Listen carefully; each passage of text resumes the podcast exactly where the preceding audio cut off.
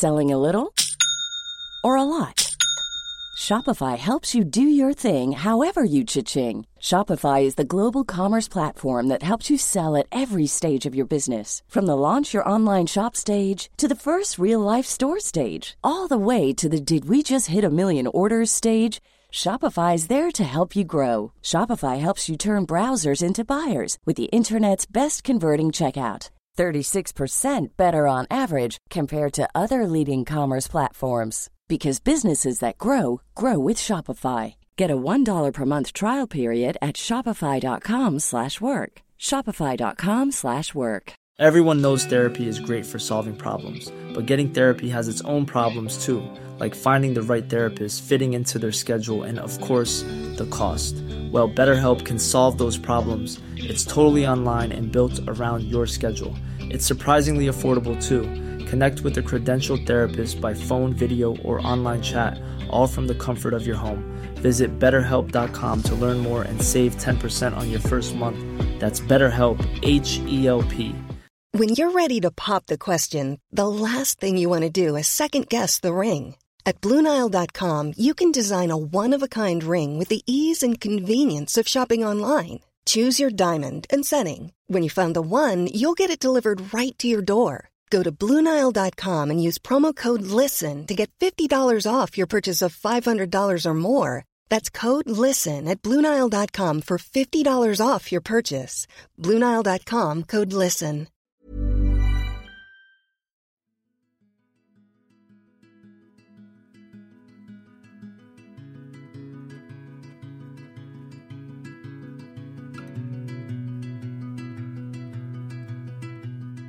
Hej och varmt välkomna till podden Sorgsnack. Det här är en podd som berör allt som har med sorg och svåra förluster att göra. När livet inte blev som vi hade tänkt, när något oväntat händer och hela ens liv vänds upp och ner över en dag och när vi tvingas ta farväl av någon vi älskar. Min förhoppning är att genom podden bidra till att hjälpa andra människor ge stöd, utbilda och sprida kunskap och inte minst inge hopp. Jag som gör podden heter Lia Persson, är journalist i grunden och även certifierad handledare i sorgbearbetning. Idén till podden föddes ett år efter att jag förlorade mitt första barn. Det här var början på mitt nya liv. Livet som nybliven mamma och samtidigt änglamamma.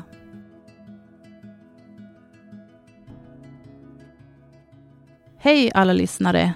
Nu är vi tillbaka igen. Ännu ett avsnitt med samtal om det svåra och förlust på olika sätt. Framför mig har jag Kenneth Lillqvist som var en av dem som deltog under sorgkonferensen i år.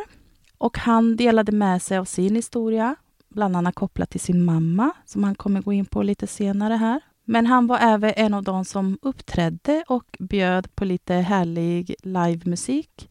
En otroligt fin låt som berörde så många. Han tillhör också en hjälporganisation som heter Heart Stockholm. Men först och främst, varmt välkommen till podden Sorgsnack. Så fint att få sitta här med dig idag, Kenneth. Eh, tack så mycket. Så fint att, att vara här. Eh, eh, men vilken utsikt också ja. över Stockholms stad här. Eh, ja, men precis. Hammarby sjöstad. Hammarby det är sjöstad. fint här. Ja. Jättefint. Eh, tack så mycket eh, mm. att jag får vara med i din podd. Ja, men tack själv för att du ville komma hit. Jag tänker att om du börjar och berätta lite mera för våra lyssnare vem du är och vad har du varit med om själv i livet? Ja, eh, nej men Kenneth Lillqvist. Eh, jag är uppvuxen i Eskilstuna. Eh, bodde där i 37 år. Sen bestämde vi oss, jag och min fru, eh, som jag har en fru som heter Anne och en son som heter Elvin på 10 år. Eh, vi bestämde oss att flytta vidare för två år sedan, så nu, numera bor jag i Uppsala. Vi har bytt miljö för hela familjen här. Eh, men som sagt, jag är, jag är från Eskilstuna. Min, min pappa kom till Sverige på 70-talet. Ja, det var hela den här jobb jobbvågen. Eh, så han flyttade från Finland, tog hela familjen med sig till Sverige och eh, han träffade min mamma som också är från Finland. I Men början du är där. född i Sverige? Jag är född i Sverige, ja. Eh, och eh, nej men man hängde mycket med finska polare och eh, både, både finnar och chilenare och ja men det var ett område som hade sina problem. Det var mycket droger eh, och nej men polisen var där rätt, så ofta. Eh, så, att, så att det var ju ett utsatt område. Det hände mycket. Men, men själv när man är barn, man tänker inte så mycket på det. Utan man, man är liksom van i, vid det. Ja men det är så här det är liksom. Men jag har jättefina minnen. Eh, jag redan som, eh, som, som tioåring så, så blev sport en, en del av mitt liv. Där jag sökte mig till föreningar och utöva idrott då. Redan som, och, genom en fritidsgård. I ett område, utsatt område i Eskilstuna då.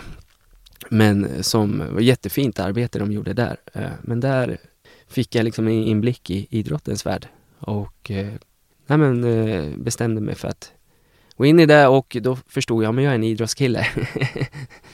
Mm. Så jag hade inte bara en sport utan jag hade fyra sporter samtidigt. Ja, Så jag härligt. rörde mig inom, eh, inom föreningsvärlden och, och det var faktiskt någonting som jag, när jag tänker tillbaka, att det var en, det var en räddning för mig. Jag kunde hitta förebilder inom, inom föreningslivet som sa, nej men håll inte på med, med, med droger, håll inte på med alkohol utan eh, eh, och eh, så att jag, jag fick det där, både hemifrån men också från, från, från id- idrottsvärlden då, så gav det mig en impact. Ja men ha det liksom i, i bakryggen liksom. Vill, vill man hålla på med idrotten så är inte det en, en, en Nej, bra precis. sak. Mm. Men eh, ja. eh, Vad var det för idrott som eh, lockade? Det var både fotboll och basket och mm, så bollsport helt bollsport. Mm. Och, så eh, jag var en, en kille som stod och sparkade boll liksom mot väggen varje dag. Eh, eh, det var där man hittade mig. Så jag var gan, ganska sådär... Jag, jag bjöd inte oftast hem någon utan jag gick alltid hem till någon. Och det... När när jag tänker på det, den, lilla po- pojken eh, då, då tänker jag på att man var lite osäker och, och så eh, på sig själv eh, och var gärna hos andra liksom man. Mm. Fast det inte fanns någonting att, att skämmas för. Men för mig var det liksom för min självbild redan då så, så tänkte jag att nej, jag vill inte, ja, jag vill vara hos andra i deras miljö. Eh, nej men sen eh, flyttade vi, eh, som 12-åring så flyttade vi ut från stan ut till en förort eh, och det var som, som dag och natt.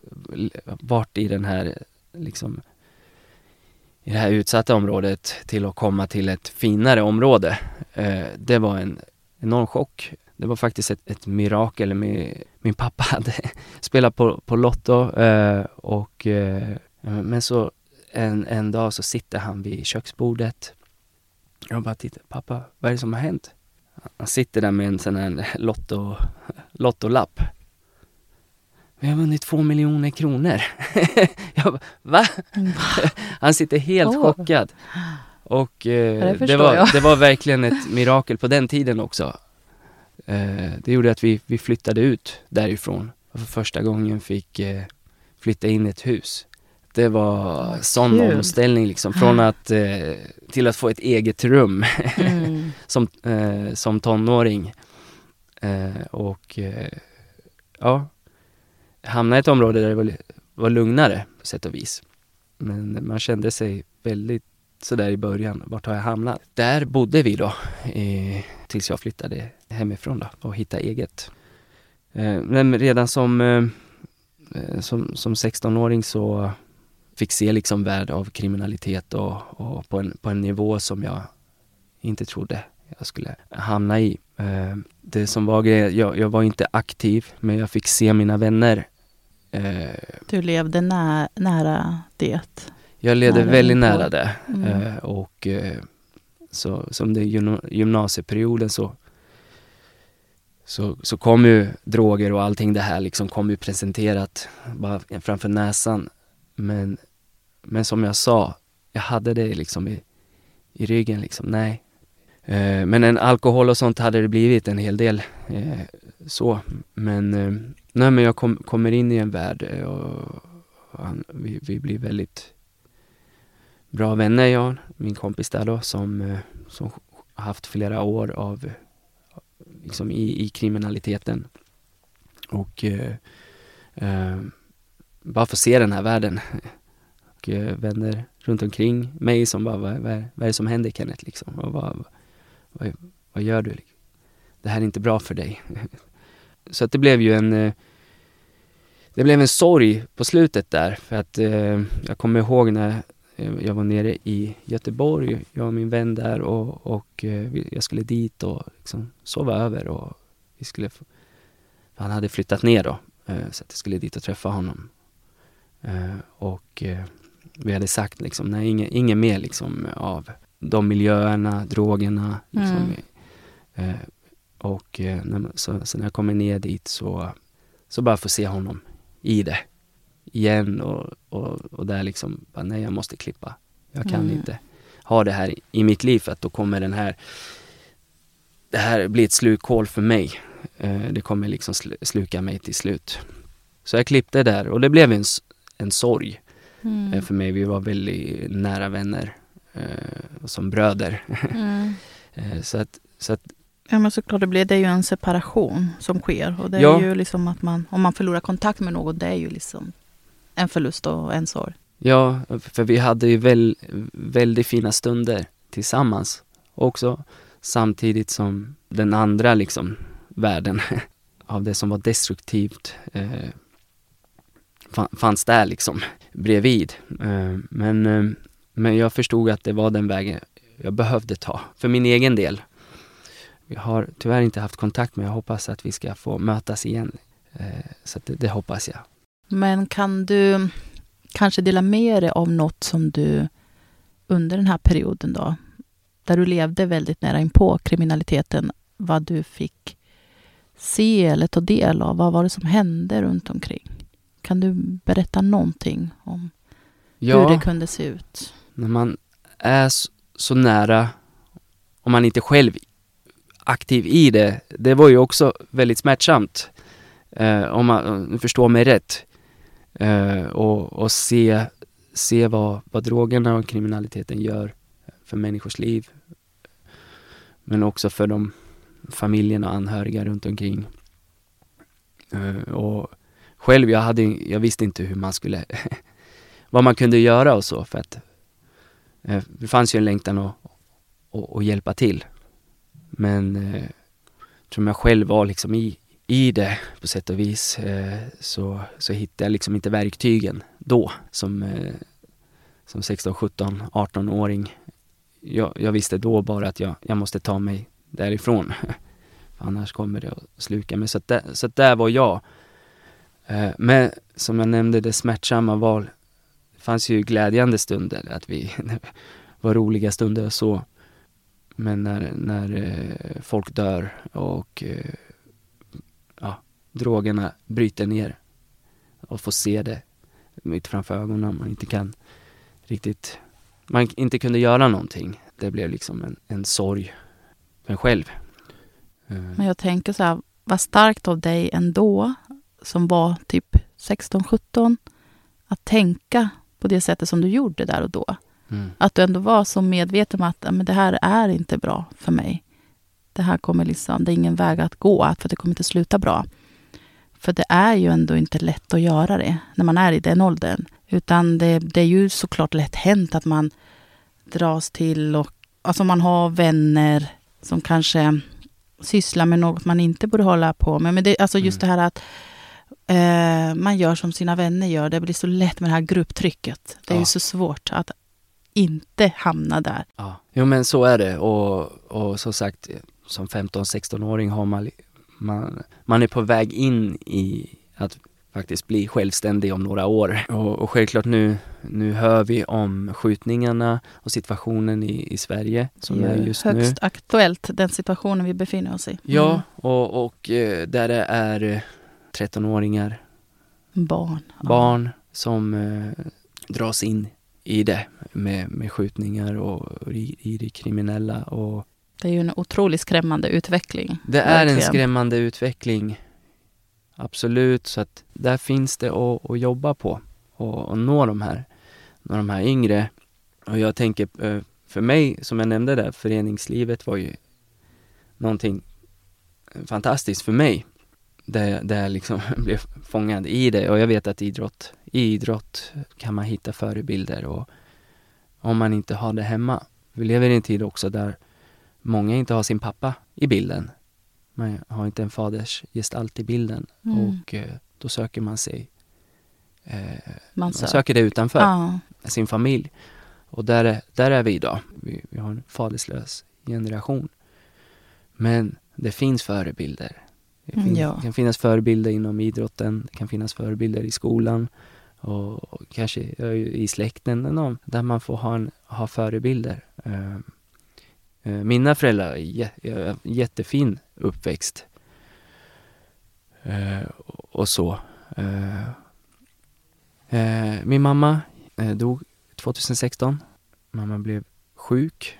Eh, för att ta det från början så 2009, 2010 där någon gång så började mamma känna det är någonting som inte stämmer. Liksom. Eh, så hon bokade in eh, eh läkartid då för att göra en undersökning. Och eh, eh så läkarna sa, men du, efter det så att, ja men kom igen, vi, vi behöver kolla vad det är för något. Det är någonting som vi inte ser. Eh, och eh, det, det går något år och mamma blir, mamma blir sämre. De vet fortfarande inte riktigt vad det är för någonting. Och hon får medicin och, och så. Vi bara, men vad är det här för någonting? Eh, för att då hade hon börjat gå med krycka eh, och eh, man ser att hon, hon blir sämre. Alltså hon hade ont i kroppen? Hon hade ont i kroppen ja, Ja. så att hon behövde liksom stödja med krycka. Det var 2011, ja 2010 var det, 2010, så hade det gått ett år. Och, och så ser vi att hon blir sämre. Så hon gör de här rutinkontrollerna och går till, till läkaren och ser vad det är. Och, och något år till där så konstaterar de att hon har eh, Parkinson plus. Och eh, ja men Parkinson, det känner man ju till att Mm. eh, Parkinson är sjuk, man får skakningar och sådär och att eh, men det finns ju bra hjälp. Mm. Men sen när de sa plus, men Det kan är- man ändå leva med länge. man kan leva man med det. medicinerar. Ja. Ja. Eh, precis, för att jag, jag hade ändå så en, eh, inom, från idrotten då, en tränare som hade Parkinson. Han, han liksom levde med det. Och, så att det var liksom den referensbilden jag hade av, av mammas sjukdom. Eh, men när de sa plus, då visste vi inte riktigt vad det vad det innebor. Men vi gick med den, ja men det här kommer ju... Så att det var ju en upptäcktsfärd där också, vad, vad är det här för någonting? Och mamma blev väldigt dålig snabbt. Och det gjorde att hennes kropp svullade upp till slut så, ja, hon blev rullstolsbunden ganska, ganska så snart inpå. Eh, något år till där. Eh, och, eh, eh, och det gjorde så att hon, när hon sitter i rullstol, gjorde att hela hennes kropp svullnade upp, blev full av vätska. Och, och se mamma förändras så där snabbt, det var, det var smärtsamt och det blev ju en, en sorg. Vad är det här för någonting? Eh, medicinerna hjälper inte. Och vi, men, så vi hade liksom hela tiden med, med eh, sjukhus. Va? Hon fick sjukvård hemma, eller? Eller Ja, var hon mycket på sjukhuset? Ja, det, det, här var en kamp. Eh, för att eh, mamma behövde ju hjälp hemma. Eh, så vi ville ju ansöka om att få assistenter. Så det här var en kamp att få till det här för att de var inte så positiva till det. Man blir frustrerad, man blir arg. Så pappa, eh, pappa jobbade, han eh, liksom pendlade ju mellan Stockholm och Eskilstuna. Han jobbade i, med, med samma som han har gjort under, under så många år. Men han bara nej, jag slutar mitt jobb, jag tar hand om mamma nu. Så han gjorde det. Så i den här eh, processen så gjorde vi, liksom, kämpade vi med den här ansökningen att få assistenter eh, utöver, ja tillsammans med pappa då. Eh, pappa tog hand om mamma då. Och eh, Så det blev liksom hans jobb, det blev hans, helt enkelt. ja, så han blev eh, en assistent där då. Och vi får igenom den eh, ansökan om att eh, mamma får assistent, assistenter hemma då. Och eh, vi bygger ramp eh, och så utanför. Allt, allt som ska vara till när man, eh, med, med just när man är rullstolsbunden så behöver man ha rampen och, och det här var en tid för mig själv då jag jobbade väldigt mycket. Hade, och hur gammal var du då? När hon blev så ja, sjuk? det var ju, det här var eh, 2000, 2015. Eh, som hon eh, då hade kommit in i, liksom sjukdomen hade liksom brutit ner henne. Hon kunde knappt röra, hon kunde inte röra sig, liksom, bara fingrarna lite grann. Eh, och eh, så på väldigt kort tid så hade sjukdomen liksom brutit ner kroppen.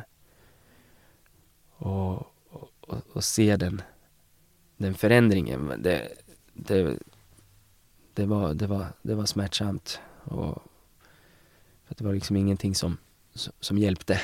så. Men vi har, vi har väldigt fina stunder där hon kunde liksom pressa fram ett smile.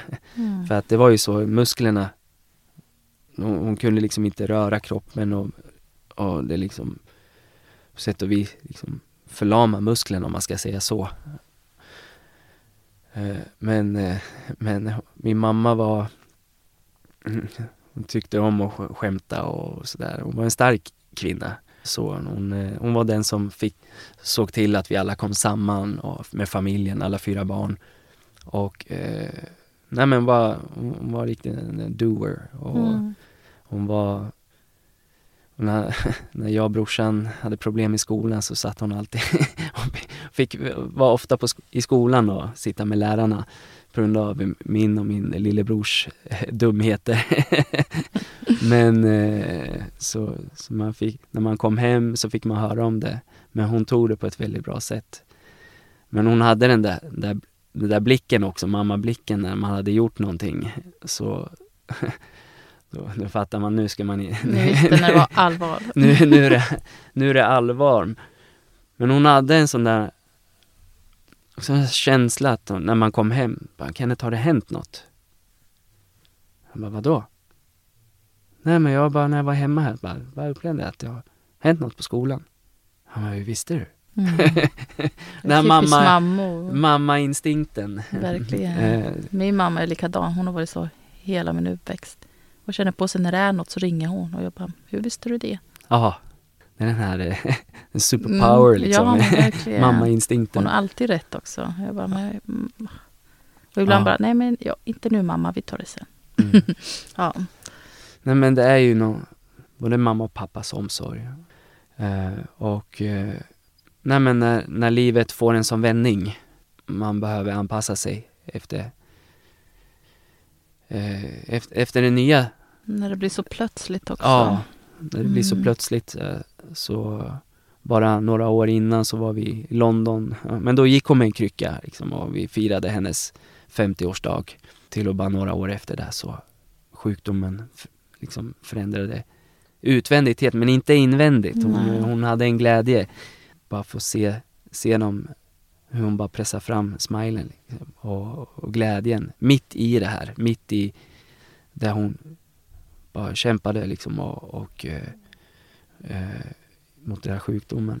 Eh, men, eh, men ett, eh, ett minne eh, som jag har, eh, det var för att i och med att, att hon blev rullstolsbunden så fick vi ju rätt till färdtjänst.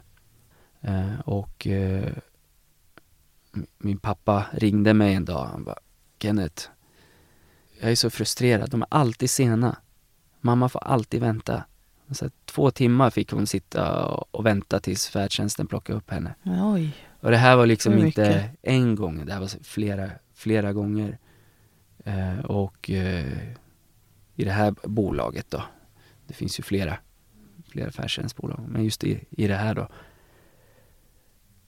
Så, så att det blev liksom en smärta att, se mamma. Hon borde få, hjälp. Eh, så pappa sa, men så vi började prata om det. Vi, köper en egen buss. Bara slängde ur oss. Pappa, ja vi gör det. Så vi började leta på Blocket Mm. efter en färdtjänstbuss. Mm. Och vi hittade den till, sl- till slut eh, som uppfyller kriterierna eh, för att mamma kunna sitta i bussen. Och eh, vi hittade den i Malmö så jag och pappa sätter oss på tåget, åker ner till Malmö och eh, hämtar den där färdtjänstbussen. Och eh, vi, vi bara sitter och ler i bussen där. Nu har vi den här. Nu ska vi överraska, överraska mamma. Och när ma mamma får se den, alltså hon, hon bara skiner. Och, och eh, när jag sitter och kör där, när jag ser henne, ser det där smilet liksom, mm. det glömmer jag aldrig.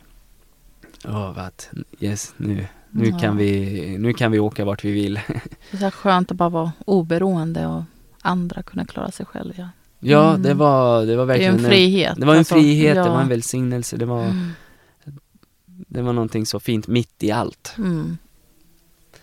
Men så, hade hon tappat eh, talförmåga? Hon hade tappat det... talförmågan också. Ja. Så, Men det kom då successivt? Det kom successivt, ja. ja. ja. Så de två sista åren så, så hade hon tappat talförmågan också. Men, eh, men när man pratar med henne och, och eh, så kunde men hon, hon förstod, nicka hon var ju liksom fullmedveten. Ja, ja. Kunde, då började hon skriva. Kunde, man, man hjälpte henne då med mm. handen så att kunde liksom på något sätt, mm. på något sätt skriva. Det var då ändå som musklerna hade brutits ner så pass. Men på något sätt så kunde vi få till med kommunikationen. Eh, och, och, samtidigt som min mormor fick veta att hon har blodcancer. Ah. Eh, och, eh, och så åker till Stockholm. Eh, mamma växte upp i Botkyrka i Tumba. Så att hon var ju på Huddinge sjukhus där så jag åkte dit och måste vara, ja 2015, ja 2015 och eh, bara för att se till hur mormor mår. Så hon eh, gör ett läkarbesök och konstaterar att hon har blodcancer. Eh, och hon blir dålig väldigt fort. För henne blev det ju en chock, för just då, precis när mormor blir sämre, så blir mamma jättesjuk och eh, hamnar i ett tillstånd där vi tror, men nu, pappa ringer, nu, nu behöver vi åka för att det här kan vara sista. Och samtidigt så är mormor på sjukhuset och eh, ligger där och säger, men ska min dotter lämna före mig? Mm. Eh, så det var liksom ja. sorg på, på flera ja, håll och kanter. Ja. Mm. Och, och eh, men, men det läkarbesöket går bra, så mamma, mamma får ny kraft. Så vi kan ta med henne hem. Mormor går bort sen efter några månader. Så, så innan det så, eh, bara på väldigt kort tid så hade jag också varit på begravningar både för min släkt i Finland och för morfar eh, som också gick bort i sjukdom. Ehm, eh, och, eh, och nu var liksom mormor och mamma liksom samtidigt. och det var det kommer att vara väldigt det är var väldigt mycket att klara av. Ja, det var väldigt, mm. på en och mm. samma gång så, så, så idag så förstod jag att jag, jag kunde liksom inte hantera det utan jag, det var liksom fly. fly sorgen in i arbete och, och allt som pågick i ens eget, eget liv och hantera känslorna. Skulle du säga att du lite stängde av kanske? För att klara av? Ja, på, på, något sätt så, så tror jag att jag gjorde det. Eh, För att i, överleva själv? Liksom. Överleva själv mm. och, eh, och eh, hittade liksom ingen, riktigt någon plats där jag kunde liksom reflektera över att okej, okay, en sorg. Mm. nu, nu ska både mormor och mamma Mamma liksom, de, de kan dö snart. Mm. Och mormor går bort då och givetvis mamma har ju, vi löser det så att mamma kan vara med på begravningen. Och det blir en jättefin stund på mormors begravning. Och När dog hon då? Var det 2015? Eller var det 2016 eh, också? Nej, det var 2015 var det. Och sen kommer 2016, eh, sommaren. Och eh, jag är i Finland en sommar med min fru och son. Så ringer pappa. Kenneth, du, du måste skynda dig hem. Nu är det liksom sista. Eh, mamma har åkt in igen. Och nu säger läkaren att nu är det, nu är det inte lång tid kvar.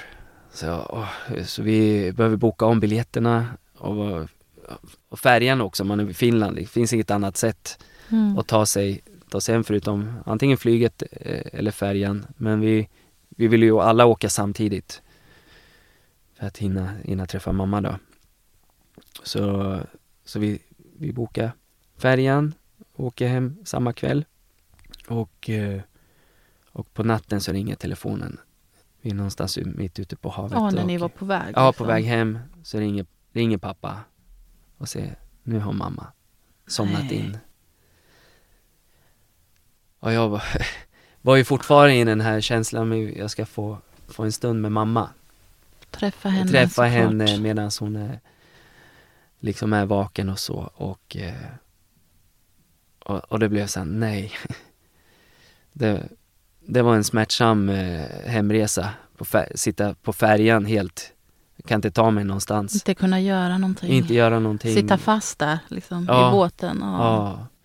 Eh, så att vi skyndade oss därifrån när vi kommit till Stockholm då och bara skyndade oss till, till sjukhuset då. Fick jag ta en sista farväl då av mamma. Efter när hon har somnat in då. Ja men det var någonting som, som, ba- som var i den stunden, det var så mycket så mycket känslor av den, det har varit en sorg under hela sjukdomen till att inte hinna liksom hem och, och få det här sista avslutet. Men eh, ja, eh, och sen var förbereda för, för begravningen då. Och eh, nej men då sitter jag hemma med någonting, jag vill göra någonting på begravningen. och eh, jag kunde inte sätta orden då på vad jag ville säga. Så jag skrev en, gjorde en instrumental låt mm eh, som vi Fint. spelade upp på, på begravningen då. Och där, när vi spelade den, där bara brast det för mig. Allt som jag hade liksom Mm. under den perioden och allting som jag hade burit innan nu liksom, det var liksom, bara släppte fram jag bara allting. släppte fram allting Ja. liksom och, eh, eh, och där fick, eh, där började någon, liksom en, nästa process i att bearbeta sorgen och bara släppa ut det. Från att och bara flytt och jobb, liksom och fanns mycket tankar, hann jag, hann jag vara där tillräckligt för mamma? Sådana här tankar som man, man kan tänka men, men jag vet att jag var ju där för mamma och jag var de stunderna som jag kunde vara där och jag vet att hon, Hon visste det hon också. visste, hon Mm. visste och Men Ja, jag men- förstår det, för det är alltid ändå så någon liten gnutta av skuldkänslor. Eller så här, gjorde, gjorde man tillräckligt? ja, Kunde man gjort mer? Eller, ja. ja. Så Man är så snabb och på att klandra sig själv när det händer saker Ja. som man egentligen inte kan rå för, men ändå. Vi är duktiga på det, vi människor, tyvärr, att göra så mot oss själva. Ja, och, och det, det skapar ju också en, en skam också Mm. som, som, blir som en ryggsäck och, ja över ens liv. Eh, så, så, det som jag tar med mig i min verktygslåda från det är att, att eh, eh, samtidigt som sorg är någonting smärtsamt så är det någonting vackert också mi, mitt i det. Att få, få, få sörja eh, och, och eh, bara uppmuntra folk där ute att bara att, eh, att inte klandra sig själva och, och, och, och, döma, leva i liksom i, i skammen. Eh, Men det är bra att, att, stanna upp också och tillåta sig och, och, och sörja och, och reflektera och, eh, och eh, det som var så fint nu till konferensen också som är så kul att jag fick vara med. Ja, det var Och- en ära för att ha dig med. Ja, tack Ja. så mycket. Eh, och när vi planerade inför det här konferensen så, så bara, nej men jag vill säga något. Eh, på mammas begravning så, så blev det i form av av en instrumental. Jag jag hade inte skrivit en låt på tre år och sen när jag fick, fick höra de här konferensen så bara, det bara liksom bultade i mitt hjärta för att säga något. så då skrev jag en sång. Den bara kom eh, och som sagt, jag hade inte skrivit på tre år, kämpat liksom med, med, med, det, med att eh, få till någonting musikaliskt men, men det kom så nära mig. Jag har någonting att säga här av vad jag själv upplevde. Och det hade du verkligen. Ja, tack så mycket. Bra och viktig, som du sa. Och även framförde i, med din låt. Ja, tack så mycket. Eh, och den första orden, vad är livets melodi? Var är livets melodi? Och det är det man kan uppleva, var, liksom, var är glädjen någonstans? Mitt i, i sorgen. Jag tror det här är någonting man, som jag själv upptäckte, man ville påskynda sorgen också. Det går ju inte. Ja, men det är ju smärtsamt att vara i det, så, såklart. Ja, men i det som är smärtsamt så, så finns det någonting också som, vackert som sker. Ma- Man får verktyg att ha, ha, hantera saker i, i livet också. På, när man har gått igenom någonting smärtsamt så, så kan det ju också vara en verktyg som man kan få hjälp till andra också. Som du gör med, eh, med podden och med konferensen att eh, som årets tema var normalisera sorg. Mm. Jag tyckte det var, det var sån fin dag alltså. Jag, jag, var, jag bara satt i, i tårar när jag på lunchen var helt, Ja, tack. helt Alltså, det, det är jag ju var helt liksom, det var så mycket Ja. som, som, eh, som bara liksom, det kom liksom bilder för mig och som jag själv, och just det, under den här perioden, jag känner igen Mycket igenkänning också. igenkänning och eh, och det är väldigt nyttigt. Mm. Och eh, man, man är inte kvar där men det blir liksom till en styrka. Ja, och sen bara viktigt kanske att få känna också att jag är inte ensam om det här. Eller Ja. att känna så här, eller att kanske ha gått igenom det här. För det är det många, som många har sagt efteråt, både från förra året och det här året då efter Ja. konferenserna, att det är bara så skönt att veta att man inte känner sig ensam. Ja. Och att det är okej liksom att känna alla de här känslorna Mm. och må som man mår och, och få träffa andra bara. Verkligen. Eh, och det tyckte jag var så vackert. Men den dagen, det var flera lager där det, det blev en plats där man, man fick uttrycka sin, sin sorg, eh, det man har varit igenom och samtidigt få verktyg mitt i det man bearbetar själv i sorgen. Så, så att, ja, Mm. det måste ske nästa år igen, den här Ja. konferensen. Ja, men det ska det. Ja, Det har vi ju redan planerat eller bokat in. Mm. ja, Vi har inte sagt något datum än, men det är klart nu att det kommer bli nästa år också. ja. Så det känns jätte... Så ni som Bra lyssnar, eh, håll ögonen öppna Mm. för, tills nästa konferens. Men som sagt, vi nämnde ju den här låten som du skrev inför konferensen. Ja, Och den ska ni få lyssna en liten snutt av. Så vi tänkte att vi skulle spela upp för er. Var är livets melodi Som bär i tid och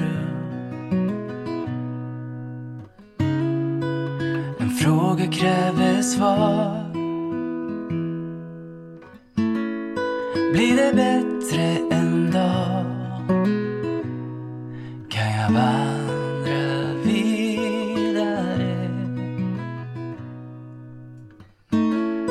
Ta mig till en plats där min själ finner ro. När inte du mig bär. Jag stannar kvar en stund och reflekterar känslans grund. I stillhet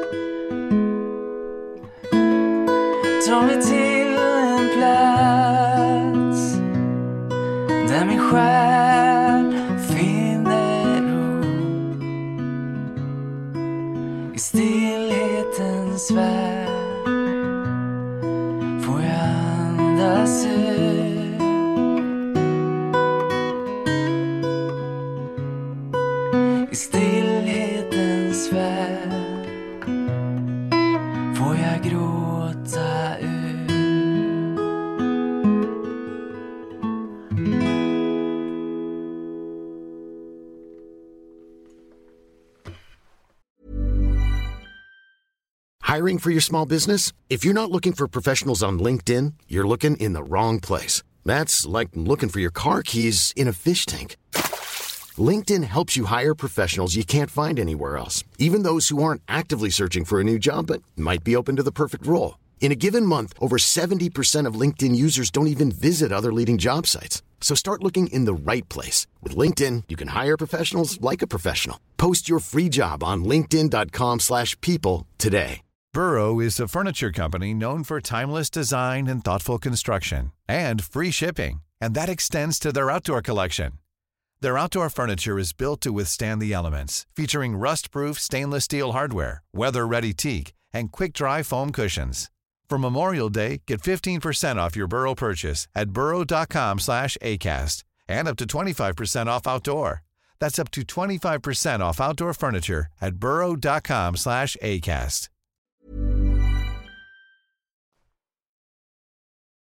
Vilken härlig låt.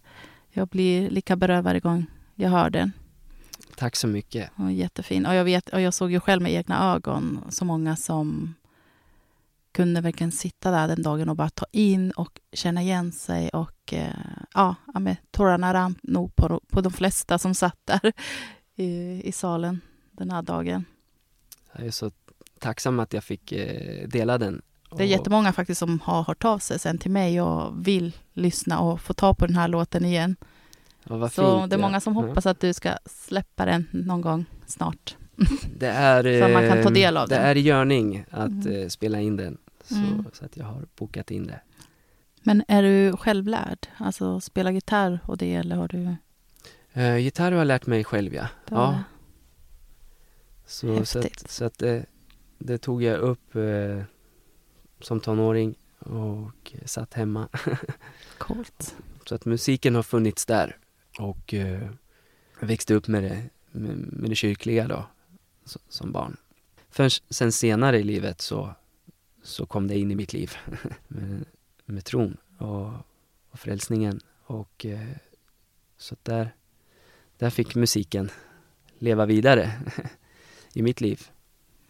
Nej, är men det, det, också lite som en räddning skulle du säga? det var en räddning för mig, ja. Med Eh, din tron och sådär? Och... Ja, Mm. eh, mamma och pappa pratar ju om eh, alltså det ex- existentiella Mm. och eh, nej men det, de man har växt upp, varit med i kyrkan och i söndagsskola och sådär och eh, nej, men man tyckte det var roligt att hänga med, med andra, bygga byggsatser och vara på läger och sen för senare under tonåren där när jag, jag tog avstånd från det själv. Men nej, jag, nej jag vill inte, jag vill inte mer. Jag vill gå min egen väg. När jag sa det, det var som att det bara kom en storm över mitt liv. Det var verkligen en sån kontrast. Och eh, Eh, så det, det, går några år. Och, nej men som tonåring jag hade hit, hittat alkoholen och, och det, Ja, liksom, man har ju fullt upp med allt annat. Man hade fullt upp med annat och med vara ung, ja. fester och allt det här. Upptäcka livet, Upptäcka vänner. livet, vännerna och ja, absolut. Eh, Alla så, går ju igenom den men, perioden också. Ja, mm. absolut. Mm. Det gör de och men någonstans så bara den här, det var någon i mitt inre som bara vad var det mamma och pappa pratade om riktigt? Eller vad min syster pratade om? Eh, det var någonting där liksom och jag visste att min mamma liksom bad för mig liksom. no, och min syster sa flera gånger Kenneth den väg du går liksom det, den, den är inte bra för dig. Så jag fick ju höra de rösterna att det finns en annan väg som, som är bättre. Men, men jag valde ju stänga liksom. Man kämpade med, som tonåring också givetvis, upptäcka det livet. Men eh, men du hittade tillbaka sen? Jag hittade tillbaka mm. sen. Var det, no var det någonting som hände? Som ja, nej men det var, det var, jag hade precis börjat spela gitarr nu för att komma tillbaka med ah, gitarren. Okay. ja. Så min syster var, ja men Kenneth, det har kommit en, en man från Finland hit till, till Sverige. Han har flyttat hit. Han, han, är, han är en sån en ungdomspastor. Jag bara, ja okej. Okay. Ja men han, han frågade om du ville komma och jamma lite bara spela liksom, för han spelar piano. Jag bara, nej, nej, det vill jag inte. Men hon, så syrran var ju, var ju ihärdig liksom. Jo men kan du inte, han frågar efter dig, kan du inte komma liksom? Okej okay då, ja, jag får spela min gitarr. Jag får träna på min gitarr och han spelar så. Så jag tar mig till, eh, kyrkan är en gammal biograf. En finsk församling då. Eh, så jag tar mig dit och, och, eh, och bara får ett jättehärligt eh, möte med, med den här ungdomspastorn. Och bara, så vi, det jag trodde liksom, ja, men okej, en gång då, sen drar jag. blev, ett, eh, blev ett fint möte. Eh, mm. blev en Härligt. jättefin vän också. Eh, så där. Så genom att ta med mig gitarren och komma till kyrkan så, så, så hittade jag tron.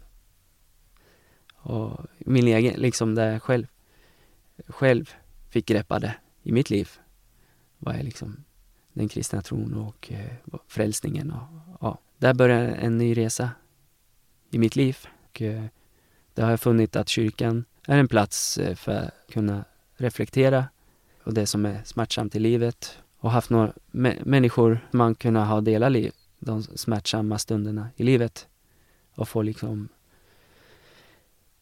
få prata om det och inte hålla det inne.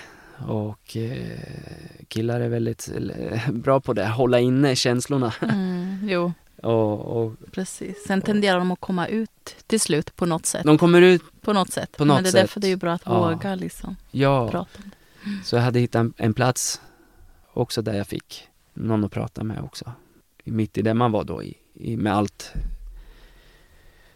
eh, som jag berättade om eh, ja, men, de kriminella miljöerna, drogerna och allting som fanns runt omkring så blev det en också en uppmuntran för mig att det, det finns en annan väg. Någonting annat. det finns ja. någonting annat. Men i, i, idag så har jag mer verktyg i, lådan, i, i verktygslådan och eh, idag får jag vara med och hjälpa. Det gör du verkligen. Mm. Och, och, eh, och, och, vi är många fler som, som har som har levt djupt i, i kriminalitet och i drogernas värld men som har kommit ut ur det och, och, och idag får, och får uppmuntra ungdomar och mm. även äldre också i, i, liksom i våra generationer också som har levt i det så många, många år liksom och få se människors liv förvandlas totalt. Det är mäktigt att det finns, det finns hopp, det finns en väg genom allt. Där det är som mörkast så finns det ett ljus eh, som lyser. Kan du berätta lite mer om just den här hjälporganisationen som du, där du hjälper folk? Ja, eh, vi har ett arbete här i Stockholm som heter Heart Stockholm. Det växte fram eh, genom vi eh, Is Isabella Sebastian Starksets fru. Jag såg ett eh, nyhetsklipp om det här med SIS. Eh, Just det, flickor och Flickor, ja. mm, SIS-hem. SIS-hemmen, ja. Det här liksom bara grep i våra hjärtan. Vi måste göra någonting. Vad är det här för någonting som pågår i vårt land? Så vi pratade, eh, Isabella, Sebastian och jag, att vi, om vi bara får komma in där i de här hemmen liksom och få möta de här barnen och ungdomarna som sitter inlåsta och, eh, och det fick vi göra. Vi fick komma till de här SIS-hemmen så jag, Sebastian har, eh, har besökt mer än hälften av SIS-hemmen. Det finns 21 stycken i Sverige så vi har besökt eh, över hälften av dem då. Fått möta barn och ungdomar där och, och eh, nej men bara få möta och prata och, och eh, föreläsa och, och, och sjunga också. Mm. Så jag har fått eh, dela sånger och, och eh, det första året så var nej men vi vill göra någonting eh, för, för de här ungdomarna. Det är liksom cirka 700 som sitter placerade. Så vi sa, men vi skickar in julklappar till alla SIS-hemmen. Och det har vi gjort nu. fint. I, det här blir sjunde året i år som vi gör det. Wow. Så vi sa, men vi, vi kommer inte stoppa det här utan kan det få vara en, en tröst och en glädje att det finns någon som tänker på dem. Och den här Ett ljus julklapp- i mörkret. Precis, Ja. det får bli en, den här julklappen får vara någonting som att vi, vi tänker på er. Och, Ja, men eh, otroligt fin gest. Att just bara få en någonting så här som känns positivt mitt i, för många av dem går ju igenom, de sitter Ja. ju där av en anledning och har det Ja. väldigt tufft liksom. Och julen är en svår tid för väldigt många. Oaktat liksom. Ja. Så. Mm. Så, nej men så vi, det är någonting som vi har gjort nu varje år och kommer göra i år igen. Och, eh, och det här är någonting som vi gör med Heart, Heart Stockholm. Så ni samlar in pengar då för att få... Vi samlar till- in pengar, ja, för de här 700 julklapparna då. Eh, nej men så det var någonting som växte fram och att vi ville ha också en, en plats i Stockholm där man kan mötas. Eh, och eh, så att det blev vi blev ett gäng som, som träffades eh, på, mitt i veckan och eh, som sedan blev eh, en, en plats för gemenskap då på söndagar i form av en gudstjänst då. Och sen har vi, har vi ett center som vi har startat Ja, ganska nyligen. Eller ganska hur? nyligen ja. Så vi fick vår lokal i år Ja, grattis. som vi har, eh, Vad tack så roligt. mycket, Ja. som vi har längtat efter att få en plats. Det är en jättefin lokal. Ja, jag har ju varit där och Ja. kikat lite. Yes. snabbis. Mm. Så att, eh, det är vi så oerhört tacksamma för att, att få ha det gentemot Skogskyrkogården. Mm. Ja, det ligger väldigt fint till. Där. Ja, så väldigt fin plats och men också en väldigt bra plats där eh, alla är välkomna. Där har vi eh, Flave Perez och Leo bland annat och Sebastian och jag och Isabella och vi är många fler där som är med och eh, hjälper till i det här arbetet då att nå ut i Stockholms stad. Och eh, med Heart eh, riktar sig till de mest utsatta i vårt land och eh, eh, vi har gjort det nu i det här arbetet, både nationellt men just nu att få göra det i Stockholm också är, eh, känns så fint att få ha en plats där man kan bjuda in och för, för sa- samtalsstöd eh, och eh, nej att få erbjuda läxhjälp till ungdomar eh, som kämpar i sk- skolan och nej också ungdomar som man känner sig stressade i de miljöerna de är får komma till en plats, ja, uppleva Ja, trygghet ja, och, kunna- och en kunna andas man kan mötas. mötas och ja. Fint. Så att vi, vi, vi tror att den här platsen kommer få, få hjälpa på många olika sätt.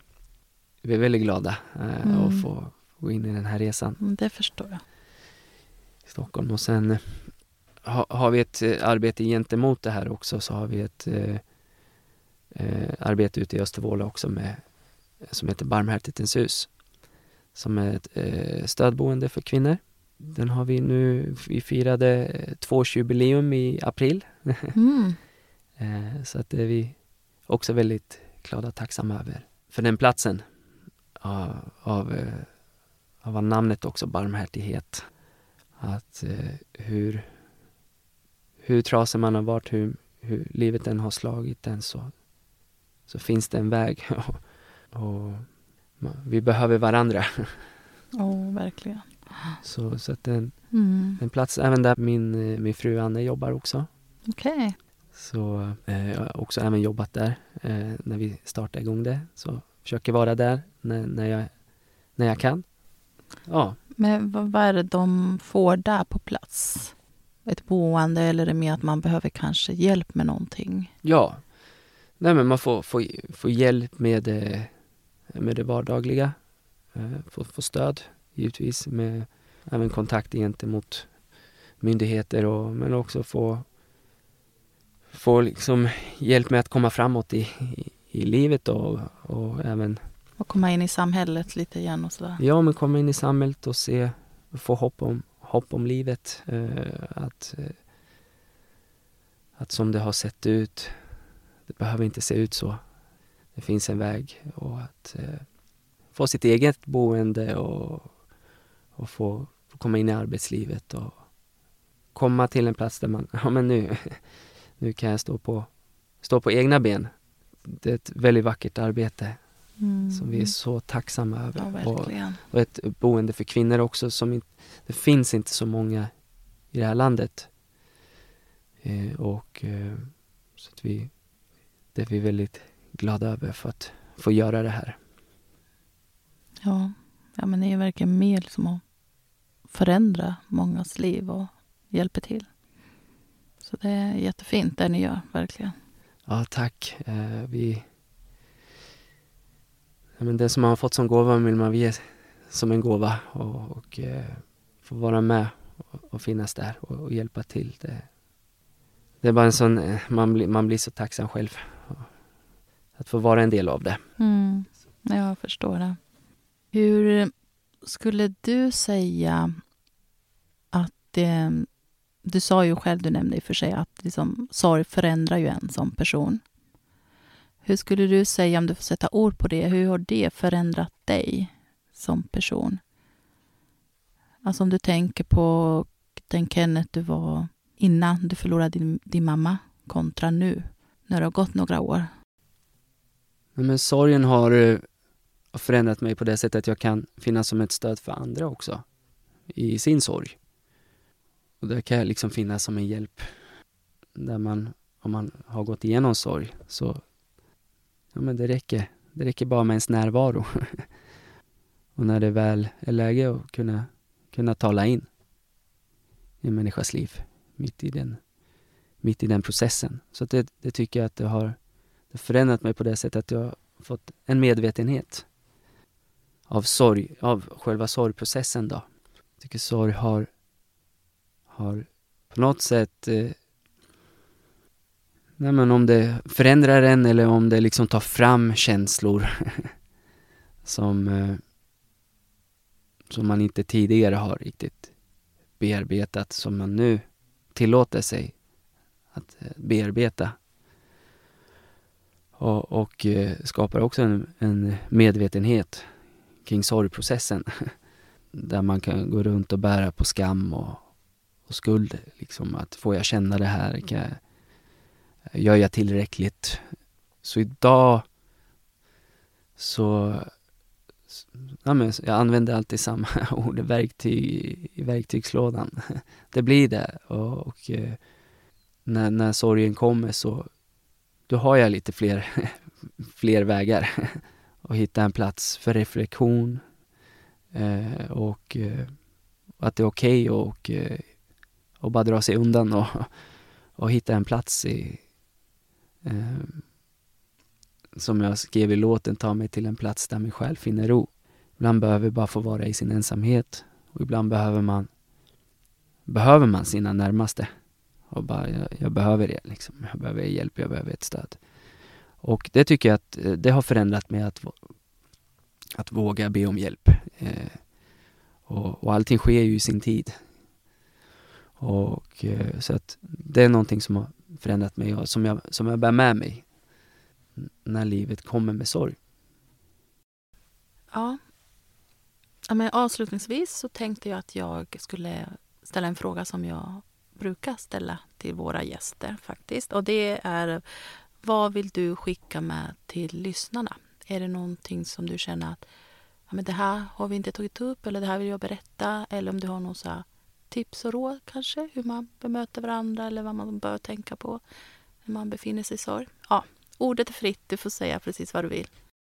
Ja, det jag vill lämna med som jag också nämnt om att, eh, att eh, våga stanna kvar i sin sorg, i sin sorgprocess eh, och eh, låta sorgen ha sin gång och eh, att ha, eh, att ha människor runt omkring sig som, som man har i sin krets, som man känner och upplever att man här, här kan jag våga vara öppen i min sorg.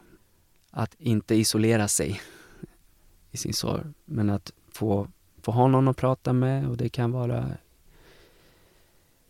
eh, det kan ju vara i form av sam, i samtalsstöd eh, och det kan vara någon i sin familj, det kan vara någon i, i vän, vänskapskretsen där man får, får prata om det man går igenom.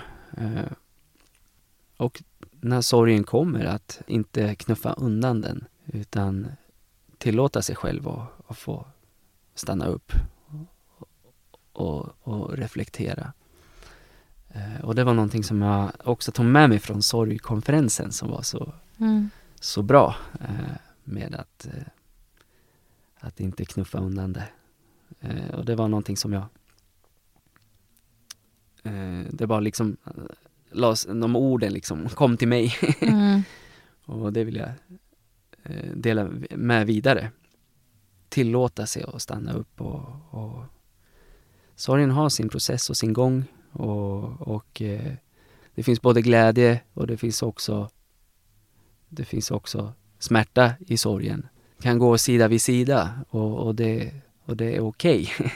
mitt i det att eh, när det är som tuffast att man tillåter sig för att få, få ha de där stunderna och skratta och, och, och, och, och glädjas också samtidigt som man upplever alla de här lagren av, eh, av sorg av, eller lager av känslor. Det är det helt okej. Okay. Det var väldigt bra sagt. Och jag måste verkligen hålla med. Ja. Mm. Att eh, det ska vara okej okay med alla känslor. Så tack för dina ord och eh, framförallt tack för att du ville medverka här idag. Tack så mycket. Tack för att jag fick komma. Mm. Så fint att få ha dig med. Och eh, ja, tack till er som har lyssnat. Glöm inte att eh, ta hand om er och varandra. Och vill du kanske gästa podden så kan du höra av dig till mig, Lia, genom att eh, antingen så når du mig via mina sociala medier, Facebook eller Instagram, via Sorgsnack eller Sorgconsulting och du kan också mejla till eh, sorgsnackpodcastgmail.com. ha det så fint nu. Hej då! Hej då!